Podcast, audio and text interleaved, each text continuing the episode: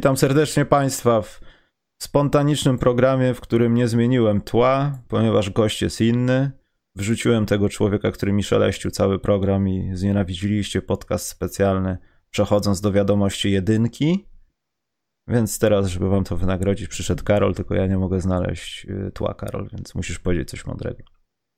Dobry wieczór. To nie było mądre, ale dało mi to czas, żeby podmienić tło. Bardzo dobrze. Karol mnie zaskoczył z programem, a ja byłem rzucać racami na mieście, więc śpieszyłem czym prędzej, żeby poleciały jakieś race w naszym programie.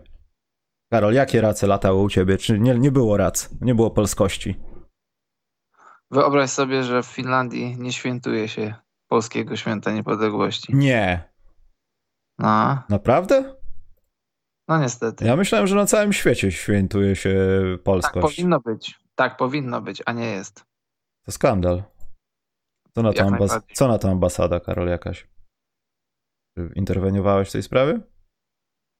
Starałem się, sta- znaczy staram się od lat, ale to wiesz jak jest. Wiem jak jest. Yy, wraca dział Co nas wpienia. Karol, muszę zacząć od tego, bo ja wrzuciłem niedawno pewną treść na Instagram i obawiam się, że do, do weekendu jeszcze będę musiał tyrać swoje stargane już nieco nerwy.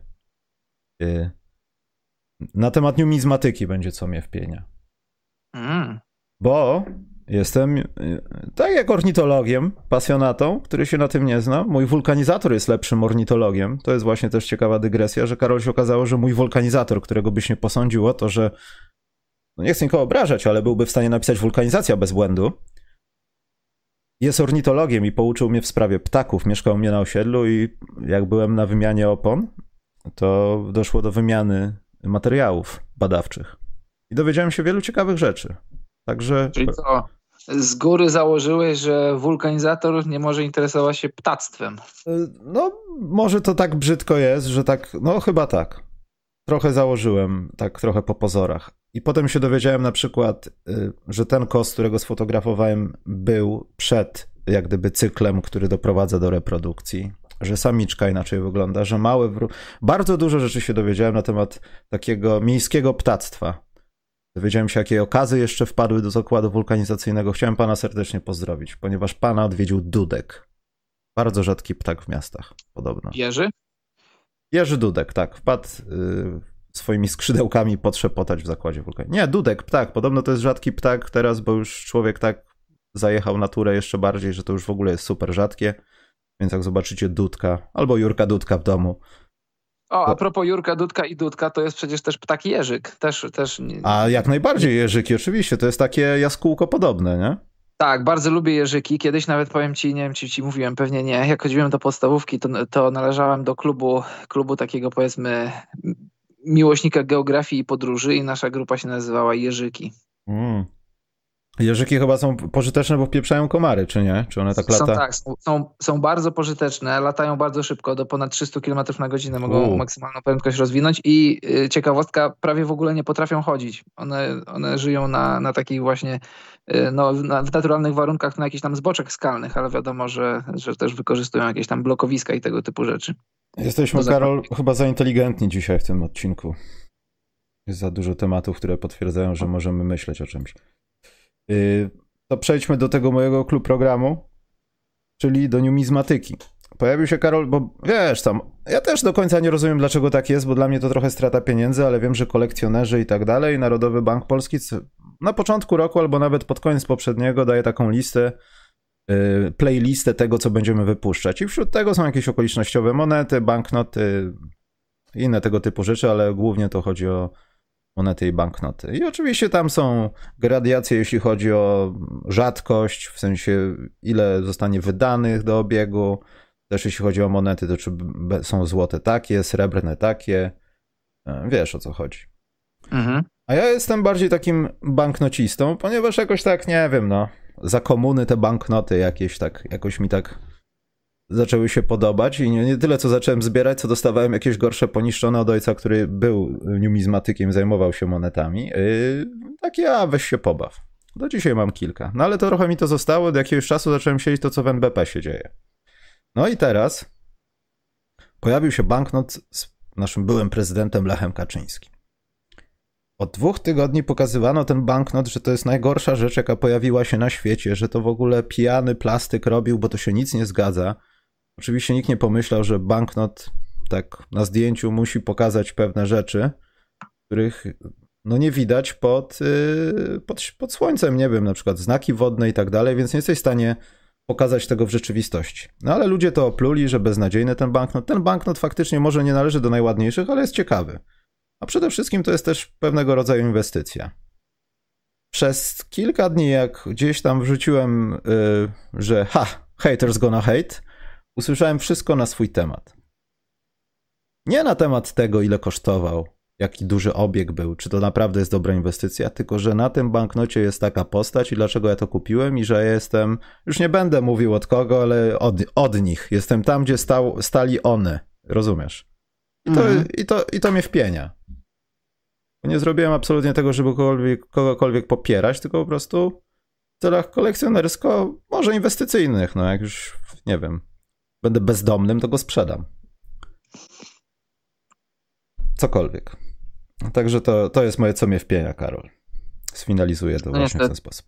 skomentuję to jednym zdaniem, tylko bardzo mnie boli wojna polsko-polska. Boli mnie ręka w kole fortuny za chwilę dalszego programu.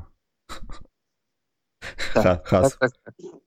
No także to jest taka smutna dygresja dotycząca naszych dzisiejszych czasów, ale nie po to się zebraliśmy, żeby mówić o ptactwie i banknotach swoją drogą, którymi można zapłacić. Właśnie to jest najciekawsze, że mógłbym zapłacić tym banknotem i pani by w kasie policzyła 20 zł, bo taki ma nominał. I to jest najzabawniejsze w tym wszystkim. NBA, to, no? A mówię, że to ciekawe, bo to przecież to już jest warte dużo więcej. Oczywiście, że tak, ale to też dotyczy tych takich monet, na przykład, nie wiem, e, 3 albo 4 lata temu, może dalej, Karol, wyszło kwadratowe 5 zł, które mam również. I ono w sklepie jest warte 5 zł ale już gdzieś w jakimś tam u pana w skupie numizmatycznym albo na Allegro brutalnie już tak podchodząc do tego, no to myślę, że około 200 zł, 250 i ta pani ci nie wyda reszty z tej ceny takiej rynkowej, tylko 5 zł. Mimo, że jest kwadratowe. Nieźle. Taka ciekawostka na temat kwadratowych pieniędzy. NBA, Karol. Chcemy mhm. rozmawiać o burdzie? Chcemy, jak najbardziej.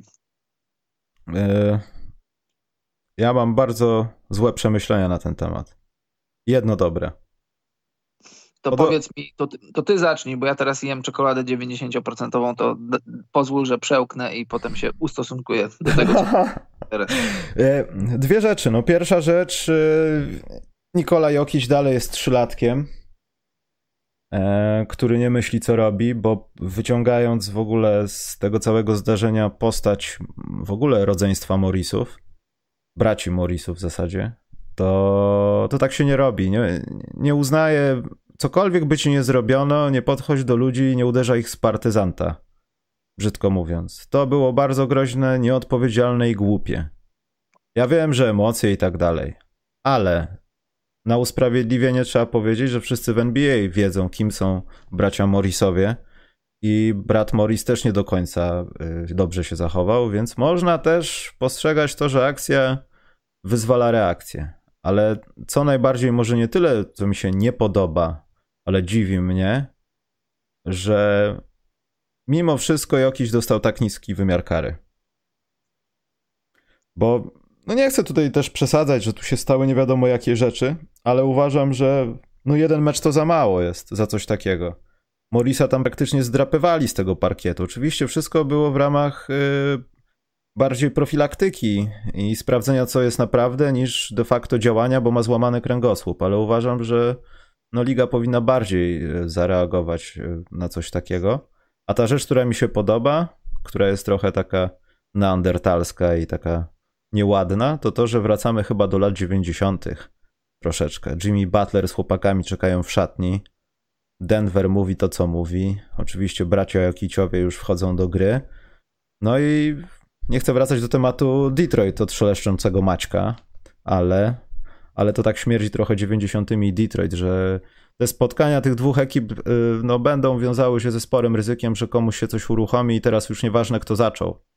Myślę, że brzydko powiedzieć, że to jest fajne, ale to wzbudza jakieś dodatkowe emocje podczas tych spotkań. Miejmy nadzieję, że nie dojdzie do jakiejś burdy jak Indiana Detroit, ale nie wiem, czy nawet w Denver nie przydadzą się dodatkowe takie agresywne emocje, a nie takie flaki z olejem, że mamy tego Jokicia i, i sobie gramy. I to chyba tyle. Dobrze, to ja akurat zdążyłem zjeść, to pozwól, że powiem, co o tym sądzę. Dla mnie akurat powrót do, powrót do brutalności to nie jest nic dobrego, a, a to jest dla mnie bardzo duży minus, wielopoziomowy minus dla Jokicza i też dla opinii, dla opinii publicznej, która zareagowała na całą sytuację. Bo sytuacja wyglądała tak, to jest, to jest brzydki faul Morisa, to nie ulega wątpliwości. Z tej głównej kamery, z której oglądaliśmy mecz, to, to, to wygląda brzydko, ale jest też taka kamera, która to pokazywała strony pleców, to wygląda jeszcze gorzej. Mhm. To, jest, to jest dyskwalifikacja w koszykówce fibowskiej, a w NBA to jest, wiesz, w NBA jest bardzo dużo uznaniowości, to zależy od, od trójki sędziowskiej, zależy Przepraszam, od Karol, wtrącę się, no? ale czy taki przykład bokserski, nie? Jeśli, albo w ogóle sportów walki, chociaż nie wiem jak jest w MMA, ale wiem, że tak jest na przykład w Stanach. To chyba zależy też od kraju, ale wydaje mi się, że od federacji. Jeśli na przykład jeden z bokserów uderzy przeciwnika, zaczną się bić, potem sędzia ich rozdziela, już jest jak gdyby po walce, ale ten mu zrobi krzywdę, w sensie będzie go lał, jak będzie znokautowany, albo go kopnie, zacznie stosować Muay Thai, to już kończymy ze sportem, i możemy dzwonić po policję, jak to można powiedzieć kolokwialnie. Że to już jest poza granicami gry i tutaj wkracza prawo karne. Ja nie chcę stosować się do tej sytuacji, że tutaj tak powinno być, ale myślę, że no tego typu zachowania powinny być jeszcze traktowane, jeśli by doszło do jakichś strasznych rzeczy, jeszcze pod względem prawnym. Bo to też przykład, nie wiem, pokazywanie dzieciakom koszykówki. No Karol, jeden mecz i trochę pieniędzy za coś takiego. Morrisowi głowa została w miejscu, a kręgosłup przesunął się jak w grze komputerowej. Tam naprawdę mogło być brzydko. No właśnie do tego zmierzam, bo to zagranie, zagranie Morisa to jest zagranie e, brutalne i niebezpieczne. E, z kamery tej głównej to jest, to jest brzydki faul, ale z tej drugiej kamery od pleców to wygląda jeszcze gorzej.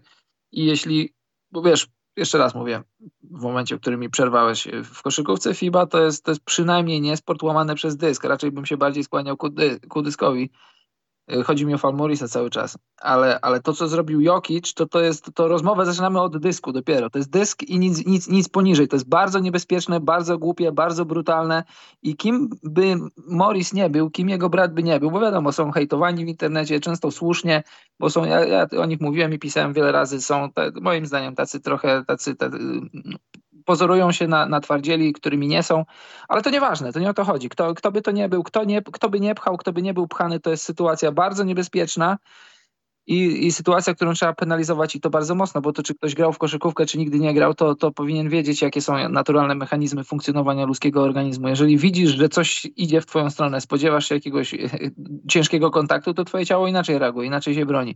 Tutaj od, od, od strony tak zwanej ślepej Morris nie miał, nie miał możliwości, znaczy, czy powinien się spodziewać? No Szak i Barclay twierdzą, że się powinien spodziewać, że jeżeli popychasz, to powinieneś liczyć się z tym, że będzie na akcji, będzie reakcja co też no, częściowo powiedzmy, że to jest prawda, ale dalej mówimy o koszykówce. Ja bym na przykład takich rzeczy w koszykówce oglądać nie chciał.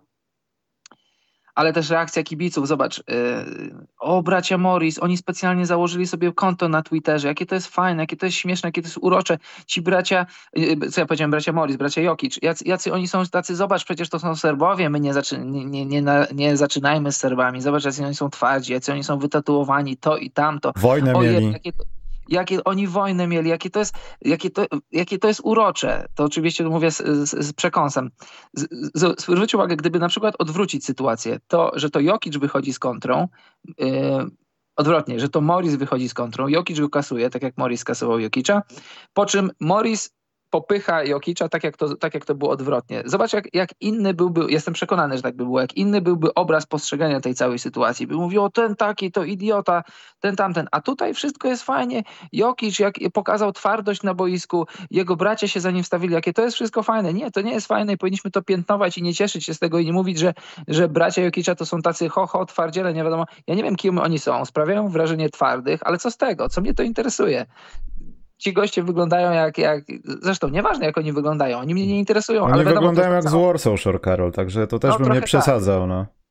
No, o, otóż to, więc właśnie, ale to, to, jest, to jest cała ta otoczka, że, że, że Nikolaj Jokic jest taki fajny, taki troszkę misiowaty, trochę dodaje tej swojej takiej, e, tej, tej nuty z Bałkanów, że jest taki trochę nieprzewidywalny, że tak, że to pokolenie jeszcze pamięta czasy wojny, y, że nie zadzierajmy z ludźmi z Bałkanów, że to, że tamto i wiele uchodzi płazem Jokiczowi. trzeba pamiętać, dobrze powiedziałeś, to jest, to jest recydywa, bo to już nie pierwszy raz się zdarza Jokiczowi taka sytuacja, że, że robi krzywdę swoim rywalom on im robi krzywdę po koszykarsku i takie rzeczy chcemy oglądać, takie rzeczy oglądajmy, za to go uwielbiamy, ale jak robi krzywdę ludziom nie po koszykarsku, w, w zachowania, które koszykarskie nie są, to podkreślajmy te rzeczy, napiętnujmy i penalizujmy.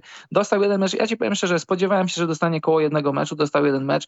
Czy powinien dostać więcej? Tak, ja uważam, że powinien dostać więcej niż jeden mecz zawieszania, bo jeszcze raz trzeba to podkreślić grubą kreską. To jest bardzo, bardzo niebezpieczne zagranie. To, co się wydarzyło wcześniej, nie ma żadnego znaczenia. Może delikatnie jakieś ma, bo wiadomo, że, że Morris powinien się spodziewać jakiegoś rodzaju y, odwetu, no ale chyba nie takiego bo na przykład gdyby po, po tym faulu jakiś do niego podszedł i go tam y, kolokwialnie mówiąc szurnął po plecach, no to, no to, to też nie, nie powinno było się by wydarzyć, ale to, co się wydarzyło, ej, Jokic może nie jest atletą jak Alonso Mourning kiedyś był, ale Jokic też swoje waży, też swoje ma wzrostu i też ma trochę siły. To, to jest bardzo niebezpieczne zagranie i to się nie powinno wydarzyć i to trzeba karać. Mm. Tak się zastanawiam na temat Morisa, no, czy, czy w ogóle całej tej sytuacji. E, czy to po prostu też czasami ci Morrisowie tego nie robią właśnie po to? Bo zawsze jak któryś z nich bierze udział w burdzie, czy tam broni kolegę, to tak jak Karol w NBA jest. Podchodzą do siebie, zaraz będziemy się bić, tam niby jakiś... O, jakiś, poczekaj, dostaliśmy hajs z Paryża, Adrian Szłapa. Pozdrawiam z Paryża. Miejmy nadzieję, że tego za granicą, a nie gdzieś w Polsce. Słuchaj, to to jest tak jak w siatkówce, jakie są tam jakieś bify między drużynami, mówią, ty jakby nie ta siatka, to tak, będzie tak. Trzymaj mnie, trzymaj mnie.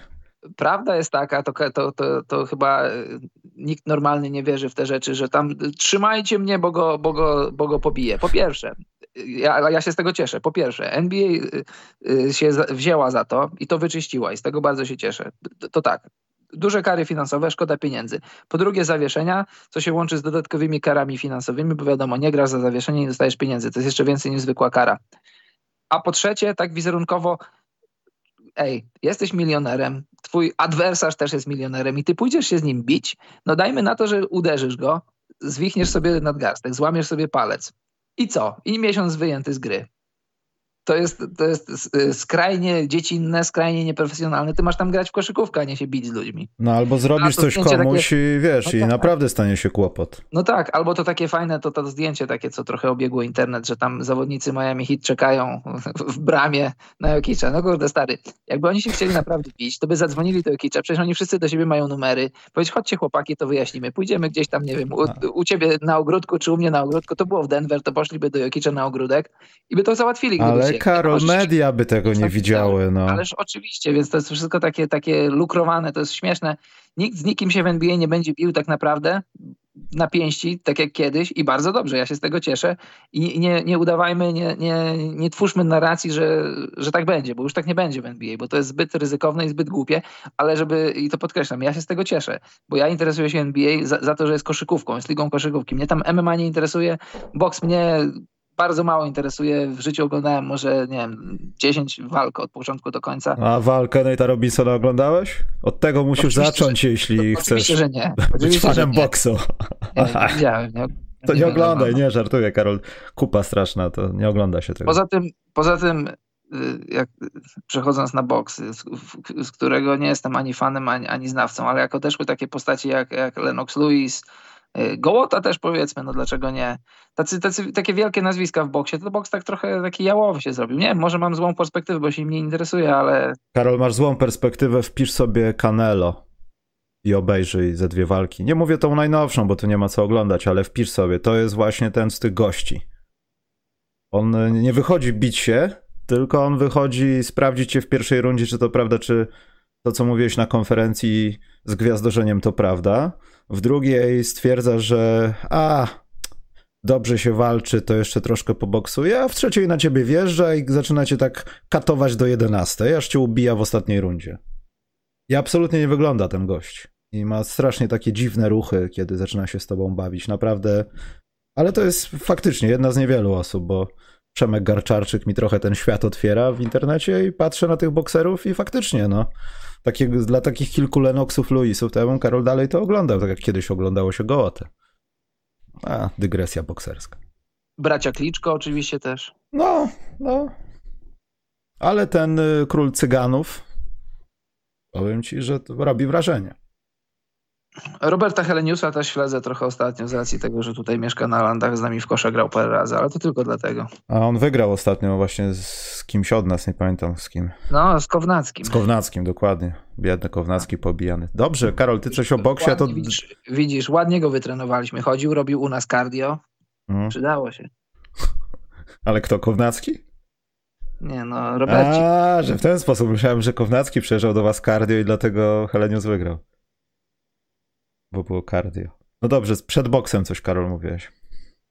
E, nie, tyle, że, że, że dobrze, że, znaczy dobrze, no nie dobrze. Dobrze, że dostał mecz kary, ale nie dobrze, że tak w ogóle, że tak internet tak ciepło przyjął to, to, to w ogóle całe to zachowanie, tak ciepło przyjął. Patrz, bracia, bracia Jokic założyli sobie konto na Twitterze, żeby odpisać Morrisowi, tam w ciągu jednej doby chyba 50 tysięcy followersów mają.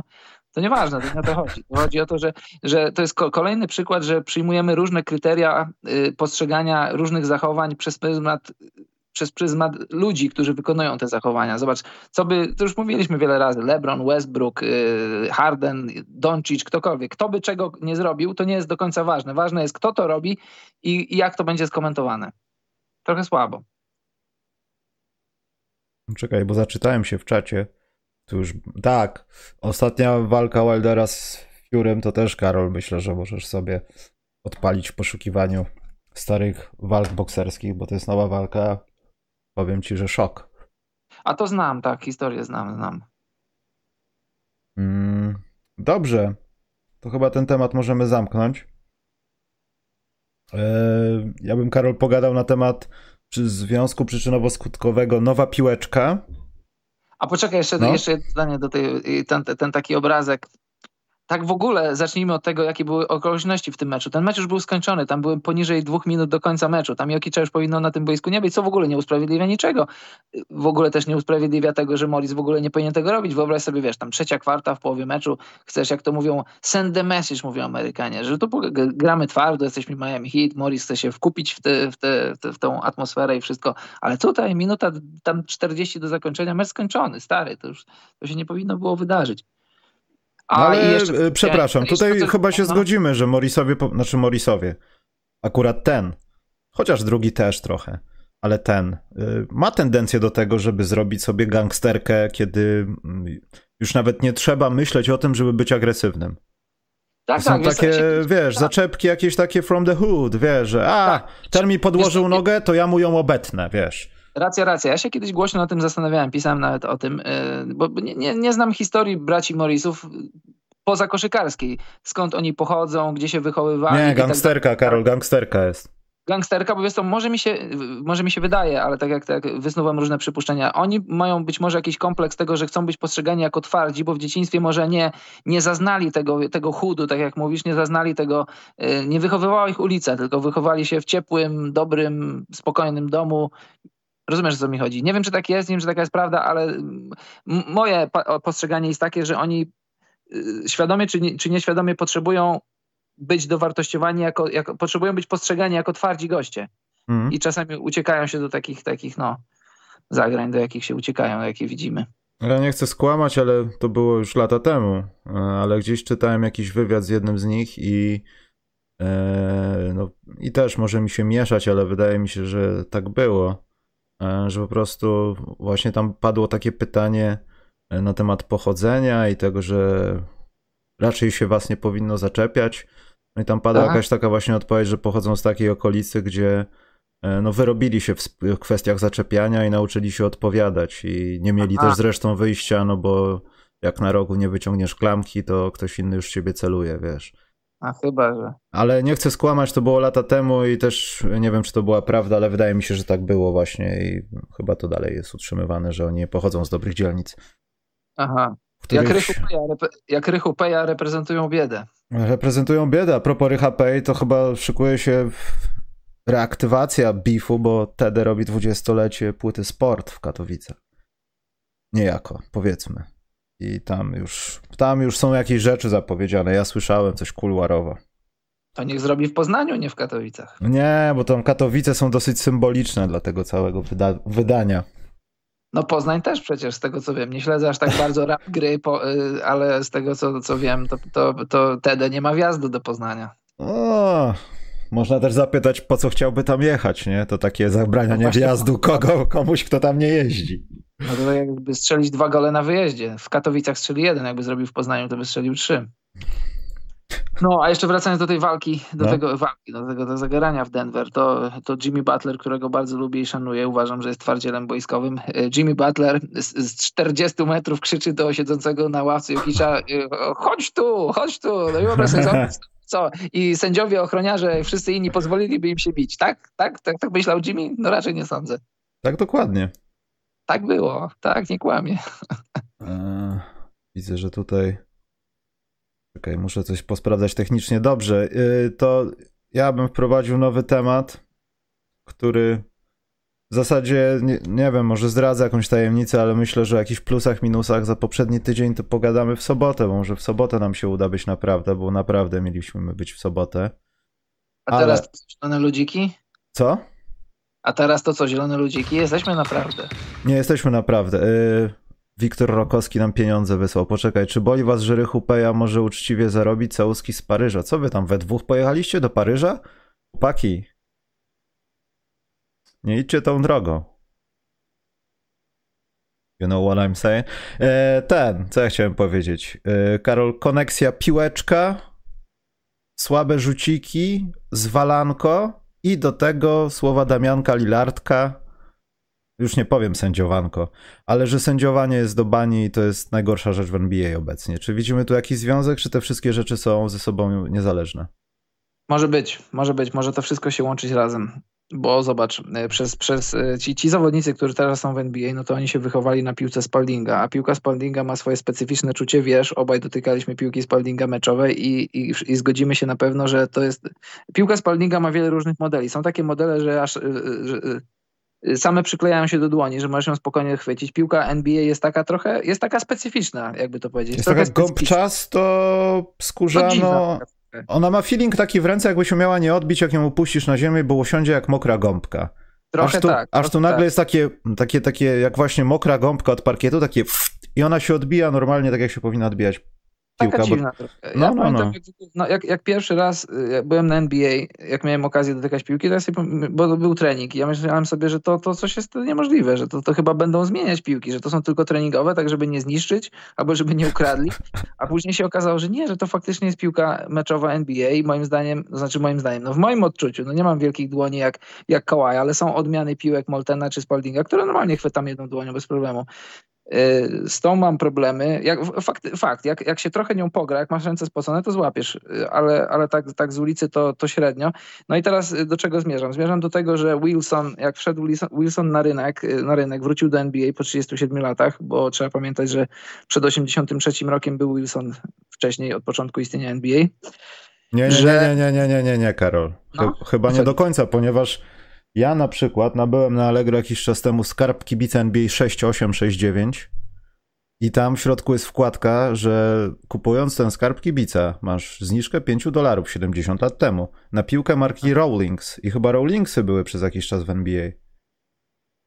O, bardzo możliwe, wiesz? Bardzo Ale możliwe. to były nie. może te początkowe, bo nie liczymy oczywiście piłeczek e, z wątrobiej kiszki, że tak powiem, nie? No bo no tam tak. chyba firmę ciężko było namierzyć, chociaż to też mógł być Wilson Spalding albo ktoś inny. Ale wydaje mi się, że Rawlings był pierwszy. Taka dziwna firma, ale istniała kiedyś.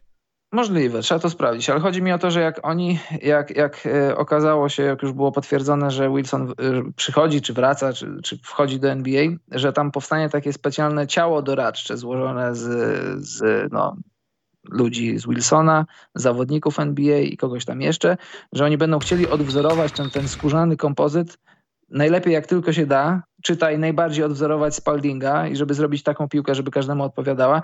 Więc być może, nie, nie, nie mam tutaj żadnych potwierdzonych informacji, ale spekuluję na ten temat, że być może, tak jak to w Stanach, wiesz, jest y, y, popularne, że się patentuje różne rzeczy. Więc może Spalding ten swój własny kompozyt opatentował, więc Wilson nie mógł w skali 1 do 1 zbudować tak samo piłki, jak była do tej pory zbudowana, więc musiał domieszkać czegoś mniej, czegoś więcej, że ta piłka generalnie to jest piłka do koszykówki. No jak, jak piłka do koszykówki to jest piłka do koszykówki, ale, ale zawodowemu sportowcowi nawet i tych kilka procent y, może czynić różnicę i na początku czyni. Chociaż wiesz, no na przykład Paul George gra póki co sezon życia, jakby tak spojrzeć na statystyki niektórych koszykarzy, to, to im liczby poszły w górę, ale, ale, ale w, w skali ogólnej to masz rację, że i rzutowo, i tak, tak wizualnie trochę, trochę to poszło w dół. I czy to, czy to można łączyć wszystko razem? Piłka, znaczy nowa piłka, nowe interpretacje przepisów i tak dalej. Ja myślę, że tak, jak najbardziej można łączyć, że zawodowi sportowcy dostali kilka bodźców z różnych stron i muszą zrobić swoje usprawnienia w tym, w tym kierunku. Ale co? Y, to jest tak, że ta tendencja jakoś się zmieni, bo wiesz, co sezon mamy ten taki okres, w którym w zasadzie teraz jesteśmy. No mniej więcej co sezon, bo ja pamiętam takie sezony, że od początku już było, wiesz, jak, jak w kreskówkach albo głupich komediach, że jesteś, łowisz ryby nad jeziorem i dostajesz łososiem w twarz, który leci. I właśnie czasami było tak, że już jedna osoba, jedna drużyna była takim łososiem, biła wszystkich w twarz i to trwało do końca sezonu. Ale Waszyngton jest najlepszą drużyną na wschodzie, jeśli chodzi o bilans. Zaraz za nimi są Bulls.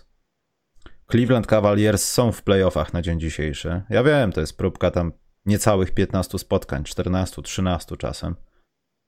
Eee, to, to nie wiem, czy to nie jest tak po prostu, że to nie wiem, do grudnia nam się wszystko wyrówna. Minus decyzje sędziowskie, no bo tego chyba nie wyeliminujemy, że sędziowie będą potrzebowali znacznie więcej czasu, żeby wejść na podobne częstotliwości odbierania gry z interpretowaniem przepisów, bo zgodzimy się, że chyba James Harden może trochę narzekać. Jak najbardziej. James Harden jest, jest, jest kozłem ofiarnym tych nowych interpretacji. I, I, ja tu nie mówię żadnej szydery, nie? Nie, tak, ale to jest prawda. Tak jak się śmieję i sam narzekam z tego, że on potrafi przesadzać. Tak zresztą nie tylko on, patrząc na Lebrona, który płacze, że jest faul, a go nie było. To w tym przypadku no James Harden ma po prostu rację. Nie, ale oczywiście, no, ja ci mówię, James Harden został, został kozą ofiarnym tych nowych interpretacji, żeby uwypuklić, ewidentnie pokazać, że nie kolego, ty tutaj nie będziesz dostawał fauli. I wiadomo, że pewien procent z tych różnych jego zagrań, które wcześniej były premiowane tym, że stawał na linii, to, to nie były koszykarskie zagrania. Te, te różne hooking foule takie, że on wchodzi, atakuje i zamiast normalnie skupić się na skończeniu akcji layupem, czy wsadem, czy czymkolwiek, to wkłada ręce. No to wiadomo, że to z koszykówką nie ma nic wspólnego. Ale teraz, żeby sędziowie podkreślić, jak, jak bardzo nie chcą tego gwizdać, to nie gwiżdżą też zwykłych fauli. I to, to w ogóle wiesz, y, na temat sędziowania w NBA to, to można by było nie tylko nagrać jeden podcast, tylko całą serię podcastów, albo nawet i napisać książkę, bo dla mnie sędziowanie w NBA to jest taka trochę, nie chcę powiedzieć farsa, bo to by było za duże słowo, ale zobacz, raz na jakiś czas sędziowie, to znaczy to ciało sędziowskie, to, to, to Związek Sędziów czy, czy NBA e, razem z nimi wydają te swoje points of emphasis, te, te, te, rzeczy, na których muszą się skupiać. Ale dlaczego to robią? Dlatego, że to się tak trochę nawarstwia, tak jak nie sprzątasz w łazience. Robi się brud i ten brud się nawarstwia, robi się pełno brudu i później musisz jakiegoś domestosa kupić. Te, te points of emphasis to jest taki trochę domestos. Jeśli przez 5, 6, 7 lat idzie jakaś zła tendencja, taka brzydka, patologiczna tendencja, której nie możesz skasować tak o po prostu, że hej, w zeszłym sezonie tego nie sędziowałeś, a teraz nie sędziujesz. Nie, musisz to szumnie ogłosić, że robisz te usprawnienia, ale te usprawnienia robisz, że w związku z tym, że rok po roku szedłeś w złą stronę. Te, te, te brzydkie faule, które, ja bym to powiedział, tak datowałbym lata 2013-14 do, do powiedzmy 19-20, tak mniej więcej, circa. Zawodnik broni, wiadomo, może trochę nie w obrębie swojego cylindra, ale nie przesadzajmy, ma delikatnie wystawioną rękę. No i taki powiedzmy James Harden, taki powiedzmy kto by to nie był, Damian Lillard, czy ci inni tacy przebojowi, obwodowi, yy, Isaiah Thomas, którego już teraz w NBA nie ma, on taką rzecz widzi, taką rękę widzi, wchodzi ze swoją rzucającą rękę pod twoją rękę i dostaje faul. No to słuchaj, koszykówka to jest sport dla inteligentnych ludzi, to są inteligentni ludzie. Jeżeli sędzia ci gwizdże tutaj faule, to hej, dlaczego tego nie robisz? To są darmowe dwa punkty, darmowe dwa rzuty. Ale to nie jest to nie jest wina zawodników, że sędziowie to gwiżdżą. Rozumiesz, o co mi chodzi? Mhm. Z jakiegoś powodu sędziowie zaczynają uznawać, że to jest faul, mimo że faul to nie jest. I oni później narobili, na, robią sobie problemy, a później je triumfalnie naprawiają. wystarczy odwołać się do, do prostych, najprostszych przepisów koszykówki, co jest faulem, co jest legalną obroną, co jest cylindrem, co jest kontaktem, bo to wystarczy zrobić kurs, nie wiem gdzie, i, i sędziować później amatorską ligę w Lublinie, w Warszawie czy gdziekolwiek. Jak jest kontakt zawodnika z piłką, z zawodnikiem broniącym, to najpierw patrzysz, co, patrzysz, co robi obrońca. Patrzysz, co robi obrońca. Jeżeli obrońca nie robi nic nielegalnego, to nie jest to faul. Później zaczyna, i wtedy później wchodzą kolejne rzeczy. Czy jest to faul, czy spełniane są kryteria faulu ofensywnego, skoro nie jest to faul obrońcy, czy jest to no call. Więc zazwyczaj, zazwyczaj jest to no call, rzadko, że jest, rzadko się zdarza, że jest to faul ofensywny, ale broń Boże, nigdy w świecie nie jest to faul obrońcy, jeśli obrońca nie robi nic nielegalnego. Prosta sprawa, jest bardzo prosta, nie potrzebuje żadnego do tego points of emphasis, ani żadnych wielkich filozofii, to, to, są, to są podstawy koszykówki, to jest koszykarskie ABC. Albo nawet y, CBA. CBA tam wiedzie niedługo. Poczekaj, Karol, bo są pieniążki. I po pierwsze, jesteśmy, jesteśmy tolerancyjni w podcaście specjalnym na żywo, Karol, czy nie? Musimy to ustalić teraz. Um, ja wiem, no, to jesteśmy. Tak, jesteśmy. To Dominik Hrabkiewicz wysłał nam kasę i napisał pozdrowienia z Paryża. To jest trzecia osoba, która w odstępie 10 minut, w zasadzie 20, wysłała donate. Dwóch chłopaków, to już wiesz co, trzech chłopaków. Dlatego... Może to jest jakiś... Nie może to... nie mów. Nie, dlaczego nie mów? Mam tutaj dwie, dwie teorie, co to może być. A, dobra, no. Po pierwsze, że kilku kolegów pojechało sobie do Paryża i tak się akurat złożyło, że każdy z nich jest słuchaczem, a B to... Kim to, jest? To... Każdy z nich jest słuchaczem podcastu A, usłyszałem, no, no, no. A co usłyszałeś? Nieważne. No, a, a druga teoria jest taka, że to po prostu jak jeden powiedział, że jest z Paryża, to drugi dla jaj, a trzeci no już musiał dla jaj. A, to mnie uspokoiłeś. Teraz, teraz każdy następny też będzie z Paryża. No bo tak, Paryża. Kiedyś pisali skądśinąd. Natomiast y, y, Wołtrin33 zadał nam pytanie w Donku, dzięki. Co sądzicie na temat afery? O, właśnie chciałem o tym pogadać. Widzisz, jak dobrze zaglądasz w, moich w moje notatki, których nie mam, bo mam je w głowie. Co sądzicie na temat afery Nila Olsheya? E, czy to już najwyższy czas na wietrzenie szatni w Portland i przejście w całkowitą przebudowę, oddając Lillarda i CJ'a na przyszłość? Drużyna zmierza donikąd. I tutaj chciałem zagaić dodatkowo jeszcze na temat właśnie afer, aferek, niesnasek, i różnych rzeczy, które się też wydarzają teraz y, w NBA z właścicielami jakimiś albo ludźmi z managementu. Bo tutaj mamy Olsheya, a tam gdzieś jest y, pan Phoenix. Nawet nie będę mówił nazwiska, bo jeśli to wszystko to jest prawda, to ja nie chcę nawet tego nazwiska mówić. Już Sterling nie wymawiam, mówię tylko Tokowic. No. To jest prawdziwe nazwisko, mało tego pochodził z Lublina. Ja wiem, Donald ja Sterling tak, ja w prostej linii Pochodził z Lublina, a jego rodzina miała na nazwisko Tokowic, tylko zmienił nazwisko tam po przybyciu do USA, czy, czy coś wiem, takiego. Wiem, Lublin jest dumny. No. no więc Karol, co jest z tymi właścicielami? Czy to jest kolejny... Yy... Nie wiem, może kolejny przykład na to, że ktoś po prostu działa, potem myśli, mleko się rozlało i co zrobimy?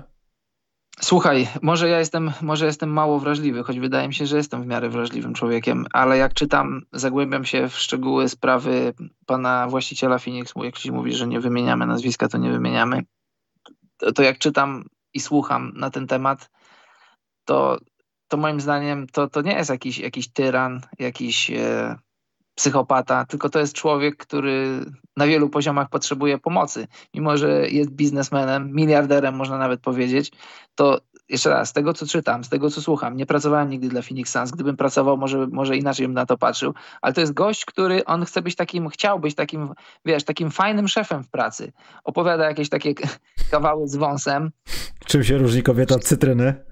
Tak, gość jest, po prostu, przy, gość jest po prostu przypałowcem, który nie ma taktu, a, a że ma dużo pieniędzy, to wie, że wiele mu uchodzi płazem. I jeśli były tam jakieś sytuacje, w których, w których faktycznie kobiety czuły się nie, niekomfortowo, no to to nie jest dobrze. Jeśli były różne inne sytuacje, o których nie wiem, no to też nie jest dobrze. Ale generalnie to nie jest nic takiego, co, co jesteś zszokowany i mówisz, jak ten człowiek może funkcjonować w NBA. NBA musi, go, musi się z niego wyczyścić. Jestem przekonany, nie mam żadnej pewności, ale też temat właścicieli NBA nie interesuje mnie. Jakoś nie śledzę, co to są za postacie, nie śledzę aż tak bardzo, jak oni doszli do, do, do miejsca, do, do, którego doszli, ale jestem przekonany, że, że to, co, to, co właściciel Phoenix sobą reprezentuje, to, to nie, jest jakiś taki, nie jest jakiś taki wielki odchył miliarderzy, nie znam ich zbyt wielu osobiście, ale miliarderzy to, to nie są jacyś ludzie z nieposzlakowaną opinią, jacyś mężowie prawości i, i, i w ogóle największych cnót na świecie, więc mnie ta sprawa nie szokuje. Nie mam żadnego problemu z tym, jeżeli on zostanie na swoim stanowisku, czyli na, na, na stanowisku bycia właścicielem Phoenix Suns. Nie zaburza to jakiegoś mojego obrazu postrzegania Phoenix Suns jako drużyny, jako organizacji. Generalnie mam to gdzieś. Ale zwróć uwagę, jedna rzecz. No. Przyszedł, przyszedł Chris Paul do Clippers, minął rok, dwa, nie ma Sterlinga. Przyszedł Chris Paul do Phoenix, drugi rok i już, i już tam i już zaczyna śmierdzieć. Tak, mikrofon kierunkowy, klasyczny mikrofon kierunkowy. Dobrze, ale Voutrin 33 zapłacił nam na to, za to, żebyśmy powiedzieli o aferze w Portland, która może, może jest mniej gorsząca, nie? Bo to jest zawsze zawsze takie, że jak jesteś rasistą, to niedobrze, ale jak krzyczysz na kogoś i tylko przeklinasz, to dobrze. Nie wiem dlaczego tak jest, ale wydaje mi się, że chyba to wszystko, co jest związane z tym, jak Olszej się zachowywał wobec pracowników u siebie, no bo to, to tam ta historia jeszcze z sędziami, jak on tam coś tam siedzi, w ogóle strasznie agresywny gość. On bardzo chyba bierze do siebie koszykówkę i w ten sposób się uzewnętrznia. Są tacy właściciele, którzy uzewnętrzniają to, albo GM-owie, którzy uzewnętrzniają to w różny sposób, taki bądź inny. Natomiast wydaje mi się, że to paradoksalnie może być jedyna nadzieja dla Portland i dla Damiana Lillarda, żeby coś się stało w drużynie, żeby coś się stało z drużyną albo z ich karierami. Bo jeśli to ma faktycznie oznaczać coś poważnego i ktoś ma wyciągnąć za czymś, po, po czymś jakieś konsekwencje, to myślę, że jeśli pojawią się nowe osoby na stanowiskach, będą chciały zrobić wszystko, żeby odkręcić sytuację i, i trochę wrócić do czasów, kiedy rozmawialiśmy o Portland jako jednej z czterech najlepszych pięciu drużyn na zachodzie. Damian Lillard jest w gazie, CJ McCall, to są w ogóle najlepsi obwodowi w NBA jako para i wjeżdżają we wszystkich i, i wygrywają 4 do 3 finał konferencji. Coś takiego. I Portland, to chyba jest jedyna szansa dla Portland, żeby, żeby coś takiego się stało. Chyba, że chcą zobaczyć, jak Damian Lillard, jak, przepraszam za słowo, ale niewolnik na galerze, zestarzał się trzymając wiosło. I przy nim umarł. Kolokwialnie mówiąc, zakończył karierę w Portland, nie robiąc nic. Więc nie wiem, co jest lepsze. Bycie Brandonem Royem, który budzi masę nadziei, ale wiadomo, że zdrowie mu nie pozwoliło, czy patrzeć jak Lillard przez 15 najbliższych lat poświęca się niepotrzebnie dla drużyny, która idzie donikąd. Chyba, że ma takie podejście do sportu i to mu pasuje, no to jest inna sprawa. Może tam też był jakiś mikrofon kierunkowy, bo tu nagle wychodzą sprawy, a timing jest taki, że idealnie by było, jakby Portland go zwolnili i zatrudnili jakiegoś GM-a bardziej skutecznego, ale to też nigdy nie wiadomo, bo to wiesz, mówi się o skuteczności GM-ów. No niektórzy, no wiadomo, chodzi o siatkę kontaktów, chodzi o umiejętności analitycznego myślenia, ale przede wszystkim, przede wszystkim, co jest najważniejsze, czy masz zielone światło od swojego właściciela na, na robienie ruchów. To jest najważniejsza rzecz, bo tutaj wszyscy się zachwycają, y, do, ty, do tej pory się zachwycali Presti. Presti to, Presti tamto. Tylko Presti on nic nie robi. Co robi Presti? Y, y, sprzedawanie, sprzedawanie własnej teraźniejszości za jakąś tam przyszłość to jest bardzo proste, bo ja ci tutaj daję Jamesa Hardena, który instalujesz go i robi ci drużynę na dzień dobry. Drużynę, która wchodzi przynajmniej do drugiej rundy playoffów albo do pierwszej, nieważne, ale wchodzi przynajmniej do playoffów, a ty mi dajesz pięć wyborów w drafcie, czyli dajesz mi pięć losów de facto na loterii, które mogą być udane, mogą nie być udane i tak sobie wyprzedaję wszystkie gwiazdy i kupuję sobie 30 pików w najbliższych 5 czy 6 latach i wiadomo, że licząc normalnie ile, ile zawodników liczy drużyna, wiadomo, że będzie musiał w końcu zacząć je sprzedawać, więc yy, jeszcze raz, jak dobrym jesteś GM-em w dużej mierze zależy od tego, nie, nie, do końca od tego, jak jesteś mądry, jak analityczny, tylko jak bardzo masz zielone światło swojego właściciela na robienie ruchów. No i odrobina szczęścia, bo taki Elton Brand go nie miał na przykład, a dobrze się zapowiadało niby wszystko. No tak. E, dobrze, to wiesz co, możemy powoli przejść do jakichś pytanek, może jeszcze skrobniemy ze dwa i idziemy. Natomiast Marcin Borkowski też z Donkiem wjechał z okazji moich imienin i na cele statutowe PSL. Trochę to jest pozbawione logiki jakiejkolwiek, ale dziękujemy Marcin. Było sobie kupić coś ładnego, a nie nam dawać. Dobrze, czekaj, bo się zamieszałem i nie wiem, gdzie te pytanka są legendarne. E, tak, to prawda. Tutaj ktoś od razu wjeżdżam od najświeższego. E, w podcaście Winera Marcin opowiadał kilka. W moim podcaście też opowiedział z jedną. Ale nie wiem, czy to nie zostało poddane montażowi. Ale była z jedna, wydaje mi się. Yy, Bartku pytał jeszcze jedno pytanie. A, czyli miałeś wcześniej jakieś już. Nie, o Simonsie nie rozmawiamy, Bartku, ponieważ nie, nie, nie ma takiego zawodnika obecnie w NBA, więc bardzo ciężko będzie nam z Karolem się ustosunkować. Natomiast Bartku miał później pytanie. No teraz to mnie rozbił ktoś, Karol. Twój imiennik, Karol Kubist, napisał to dziś nie będzie o drużynach koszykówki NBA? Dziś nie. To o czym my rozmawialiśmy przez 45 minut, Karol? Oczywiście poza początkiem, czyli banknotami, ornitologią, wulkanizacją i już zapomniałem czym. Yy, dobrze, to pytanie. Co kierowało Cubanem zatrudniając Kida? Jeśli postanowił sabotować drużynę, to wybrał idealnego człowieka na rolę trenera. Mavs wyglądają okropnie i sam Luka notuje career low. Yy, nie wiem. Jedyne, co przychodzi mi do głowy, to jest to, że Cuban dał się przekonać być może gadce Kida albo jego agentów, albo kogokolwiek w klubie, że Jason Kidd jest w stanie robić to samo, co robił w Milwaukee, kiedy popychał niby Antetokumpo do bycia coraz lepszym, aż w końcu przed świętami mu podziękowali nawet nie dzwoniąc, tylko SMS-em. Więc myślę, że to. Bo żadnej większej wartości chyba Cuban nie mógł się spodziewać, no bo nie wiem, co mógł myśleć o tym zatrudnić Jasona Kida. No chyba tylko o tym, że był dobrym, dobrym trenerem dla Antetokumpo przez kilka lat w Milwaukee, a potem tak. do widzenia. No bo ja nie znajduję, przykro mi bardzo. Świetny zawodnik, ale nie, nie powiem nic dobrego na temat jego pracy trenerskiej obecnie. No, wiesz co, myślę tak jak jest zawsze przyczyna i skutek, tak jak z tą bitwą Morisa z, z, z Jokiczem, to ja myślę, że trzeba zacząć w ogóle od tego, że, że Rick Carlisle odszedł oficjalnie za porozumieniem stron, ale moim zdaniem tam, tam była trochę presja i nie, ze strony Kubana, ale, ale Carlisle'a samego na siebie, bo, bo jak się oglądało Dallas, to to współpraca Carlisle'a z, z, z Doncicem nie szła najlepiej. Moim zdaniem Doncic w ogóle go nie szanował jako trenera. Tam było dużo różnych takich obrazków, w których mowa ciała nie była najlepsza. I podejrzewam, że Karel jako, jako, jako były zawodnik i jako też już doświadczony trener powiedział, że on ma to w dupie. On nie będzie na, na jesieni swojego no, życia, to ja go tam do grobu nie wysyłam, ale na jesieni swojej kariery będzie się użerał, nawet i, nawet i z geniuszem koszykówki i, i powiedzmy, że za porozumienie stron odszedł z drużyny. A jak już w końcu odszedł, no to chyba on musiał kogoś na, na, na prędce znaleźć. A też jeszcze wracając, że odszedł. Też może przyczynkiem było do tego po pierwsze słabe relacje z Doncicem, ale drugie, że Donnie Nelson odszedł po ćwierćwieczu pracowania w Dallas. A dlaczego odszedł, to też jest inna historia, nie wiem, czy o niej rozmawialiśmy, ale to jest historia taka już trochę może sportowa, trochę pozasportowa, że tam były osoby trzecie, które, które robiły robotę za, za plecami do niego nosa, no jemu to się nie podobało.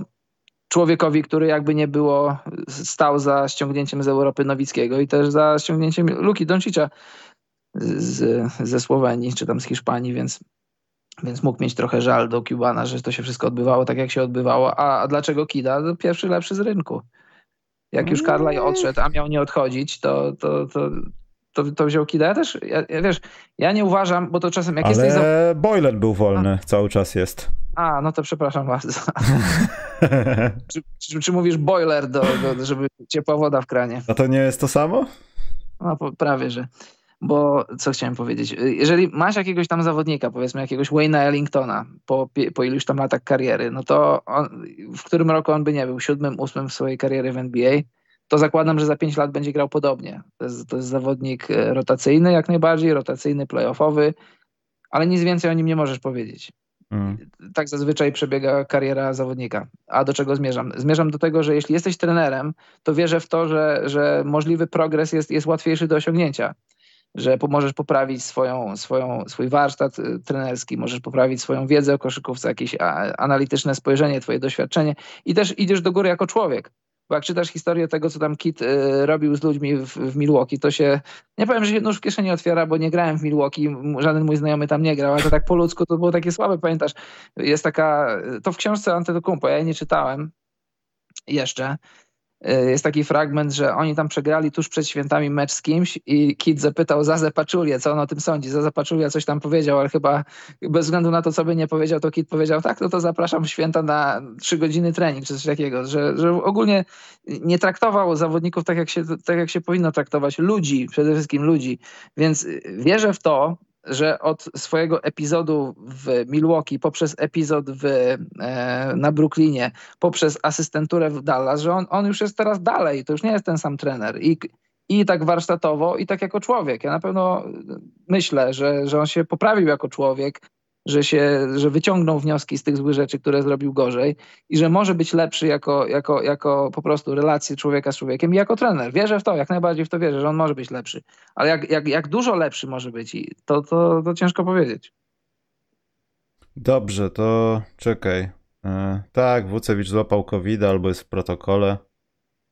I wcale nie szkoda Bulls, bo Bulls nieoczekiwanie dzięki tym trudnościom może po prostu eksploatują inne jakieś kierunki. Ajo całkiem wygląda nieźle czasami w, czasami w meczach. Właśnie czasami to jest słowo klucz w tym przypadku. Ale tu mam dwa pytania, Karol. Jedno jest o Nowy Orlean, a drugie dobrze Bartku zapytam. Ajo no. dobrze wygląda. Ale wiesz co, nie, on tak wygląda czasami, że on tak przesadza z tymi swoimi floaterkami, bo on w zasadzie głównie to potrafi, jak jest 3 metry od kosza i skacze do niego obrońca i on wyskakuje z osobistych albo na tej odległości, na przykład ze skrzydła i puszcza piłkę wysokim lobem. I bardzo fajnie, że to robi, bo to jest w zasadzie jedyne wyjście, kiedy jesteś takim małym wypierdkiem i atakujesz centra 2.20, który jeszcze metr podskoczy do góry. Więc okej, okay, tylko że on czasami przesadza z tym. Ale kiedy już się zmusi do tego, żeby wejść po prostu pod tablicę i normalnie bez świrowania trafić do kosza, dać się sfaulować, przyjąć kontakt, no to, to, to dobrze. Tam nie pamiętam w którym, tym meczu z Nets, czy tym wcześniejszym, bardzo, bardzo właśnie w ten sposób grał. Yy, czekaj, bo tutaj jest pytanie jedno sędziowskie, jedno Nowy Orlean już więcej pytań w hurtowia nie przyjmuję, bo idziemy. Bo jest święto, które trzeba świętować. Nie wiem, jak będę teraz świętował, ale będę. A co sądzicie o celowym faulowaniu takiego na przykład Simonsa na 4-5 minut przed końcem meczu? Uważacie, że jest to w porządku? Obrońca nie jest zainteresowany odebraniem piłki, a posłaniem Bena na linię. Przede wszystkim to obrońca musi być zainteresowany niby odebraniem piłki, bo w innym przypadku ten taki y, faul, Karol mnie na pewno poprawi, może być zakwalifikowany jako faul niesportowy na przykład. Mi wielokrotnie zdarzyło się już po jakichś tam zmianach przepisów jako trener dostać dacha po prostu, bo się uzewnętrzniłem, jak mój zawodnik chciał delikatnie, taktycznie sfaulować przeciwnika, ale okazało się, że też nie wykazał się basketball IQ i złapał go w pół. No i sędzia nie ma wyjścia, tak. dał nie sporta. To mnie kosztowało osobiste i do tego utratę posiadanka. No i plus mój dach, także no, tak, tak. moje basketball coach IQ też podupadło wtedy. No ale no, sięgnąłem do biblioteczki zasad i, i stwierdziłem, że no niestety muszę bić ich linijką, żeby tak nie robili, bo tak się nie robi. Tak jest. Tak jest. powiem ci, uwielbiam, nie tylko lubię, uwielbiam tę interpretację FIBA. Kiedyś wydawało mi się, kiedyś bardzo się jej bałem i wydawało mi się, że w złą stronę idzie FIBA. Wydawało mi się, że FIBA, która jest jeszcze, jeszcze trochę jest miękka, i skostniała w wielu aspektach rozumienia koszykówki, że będzie jeszcze bardziej miękka od NBA, ale, ale to poszło, przeszło moje najśmielsze oczekiwania. Uwielbiam tę interpretację. Jeżeli nie, nie grasz w sposób koszykarski, to dlaczego masz być za to nagradzany? Nawet i w końcówce meczu, a szczególnie w kontrze. To jest, to, to jest super interpretacja, super rzecz i, i chciałbym, bardzo bym chciał, żeby, żeby w NBA, żeby, żeby też w NBA to zastosowali. Są już na ten temat rozmowy, zobaczymy, zobaczymy dokąd to, dokąd to NBA doprowadzi, ale to, to, to jest fantastyczne w koszykówce FIBA to jest to, co sprawiło, coś, co uwolniło talent w koszykówce FIBA. Jak teraz oglądacie sobie na przykład mecze reprezentacji, czy, czy na przykład Euroligę, czy jakieś puchary, to to jest rzecz, która pozwala oglądać czysty talent. Kiedyś pamiętasz, e, dajmy na to w którym roku, no tak powiedzmy maksymalnie, kiedy weszły te zmiany, w 2017 roku, ale Eurobasket 2015. Dużo gwiazd, dużo talentu i co, co by nie była kontra. Mówię o tym, Eurobaskecie, bo byłem na nim i to aż zęby bolało patrzeć z pozycji parkietu. Widzisz Janisa Antetokounmpo zbudowanego, silnego, skaczącego, a tu cię jakiś mały gnój fauluje i podnosi ręką. Mówię, tak, panie sędzio, ja faulowałem, proszę bardzo, zapraszam do wprowadzenia piłki z boku, a nie skończenia akcji, akcji wsadem. I, I FIBA znakomicie, znakomite usprawnienie zrobiła. Jeżeli chcesz zatrzymać kontrę, jeżeli chcesz zatrzymać zawodnika, to musisz to zrobić w sposób koszykarski koszykarski, nie będziesz dostawał nagrody za to, że nie grałeś w koszykówkę i to jest super. Tylko, yy, bo tu chciałem nawiązać do tego, że faul zawsze musi być jak gdyby no, faulem mającym na celu zatrzymaniem zawodnika w sposób sportowy, zabraniem piłki, tak. a nie głowy. Natomiast tak. te 4-5 minut, faktycznie NBA przyznała się do tego, że rozmawia na temat albo z większego spenalizowania fauli pod koniec meczu, tych taktycznych, albo po prostu do ich y, usunięcia. No, albo się bijecie, albo gracie, zdecydujcie się. Natomiast, tak myśląc głębiej, no to Orlando może wygrałoby mecz y, numer jeden finałów z Houston Rockets. Y, Nick Anderson nie byłby posłany na linię, nie skusiłby trzech osobistych. Wiesz, to też jest element gry i ja nie wiem do końca, czy to byłoby dobrze, żeby te faule taktyczne zostały w jakiś sposób zabronione albo po prostu, nie wiem, odsunięte na dalszy tor, że kluby już po prostu przestają to robić, trenerzy przestają się w to bawić, ponieważ ich to bardziej więcej kosztuje z utratą posiadania, niż de facto wprowadza y, korzyści, bo sfaulujesz takiego szaka, dajmy na to, kogoś, kto szako idealnie rzuca do osobiste.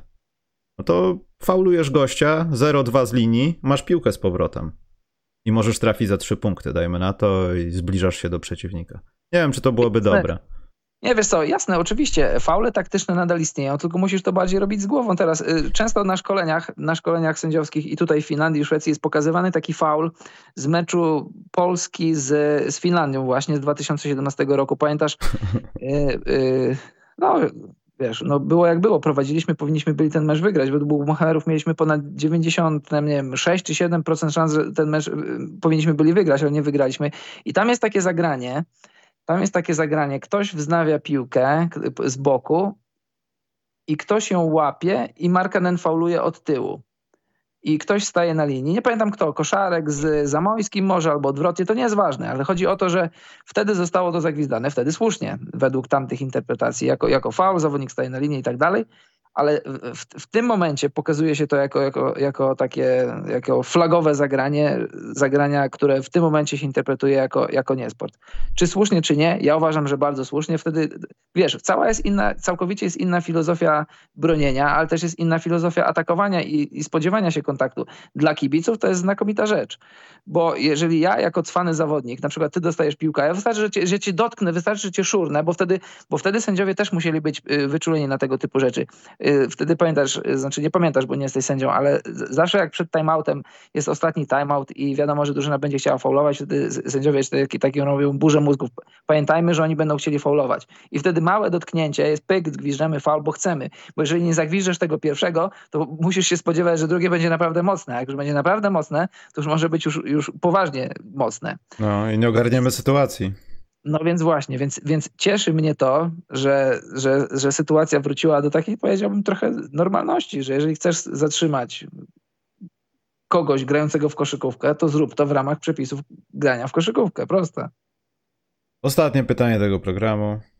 Marcin pytał, czy organizacja NOP, czyli wiadomo kto, może w jakikolwiek sposób wpłynąć na Zajona, żeby się ogarnął. Kara finansowa, rozumiem, że ogarnął się, chodzi tutaj o to, żeby przestał, przestał żreć. Bo to tam, gdzie Karol się z Szak, z Chucksterem śmiali, no to Zion wyglądał faktycznie już kryzys to jest. Myślę, że to jest tak. jedzenie z depresji. Poza tym ta mityczna kontuzja stopy. Ja nie chcę, żeby to była stopa Jao bo to może oznaczać, że tego qualifying offer 18 blisko chyba milionów dolarów w sezonie 23-24 może po prostu nie być. Co się stanie, jak Zion wróci do gry, znowu się rozwali i będzie tak samo gruby? To już jest koniec NBA jego. To jest Olivier Miller naszej ery. Może nawet gorzej, bo Olivier Miller chyba nie był. Oliver Miller nie był chyba aż tak atletyczny jak on. W ogóle nie był atletyczny. On chyba nigdy nie był chudy swoją drogą. On się urodził. nie, za młody jesteś na Millera, nie.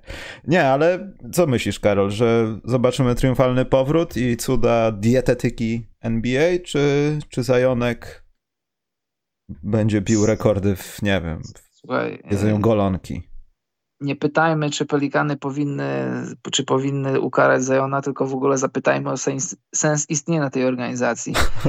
Mowa to już jest. Nie, ale słuchaj, słuchaj, koszykówka NBA w stanie, w mieście Nowy Orlean e, nie powinna w ogóle istnieć. Tam nikt nie przychodzi na mecze, tam nie ma koszykarskich tradycji, tam nikt nie chce przychodzić, nikt nie chce podpisywać kontraktu, bo to nie jest najfajniejsze miejsce do życia, do mieszkania, do pracowania w Stanach Zjednoczonych. Tam są bagna, tam są aligatory, tam jest duża wilgotność, tam nikt nie chce mieszkać. I jeżeli organizacja nie jest w stanie trzymać w ryzach, jakichkolwiek ryzach swojego młodego zawodnika, bo ten, ten taki, taka, taka przebitka z tego, że on tam trochę się ruszał przed jakimś meczem, chyba meczem z Nowym Jorkiem dwa tygodnie temu, niecałe dwa tygodnie temu. No, no, no, o tym mówiłem no, właśnie. To jest, no. to, jest, to, jest, to jest przerażające, to jest przykre, wiesz, ja, ja byłem... to jednym, jest przykre, jednym, dokładnie. Jednym z największych obrońców Zajona w sensie jego, jego wagi wyglądu że to nie jest nasza sprawa. Jeżeli on daje radę robić wsady z linii rzutów osobistych, znaczy, że daje radę, więc odczepmy się od jego wyglądu, jego wagi. Ale tutaj to, to, to jest przykre. To jest, to, jest, to jest makabryczne, jak on wygląda. On, ta, on już ta, to, on już, to już nie jest grubość, to już jest, to już jest otyłość. To, fatalnie on wygląda. I zobacz, on jeszcze wziął udział w wakacje w takiej reklamie z tym Zakiem Lewinem. tak. Mount Dew.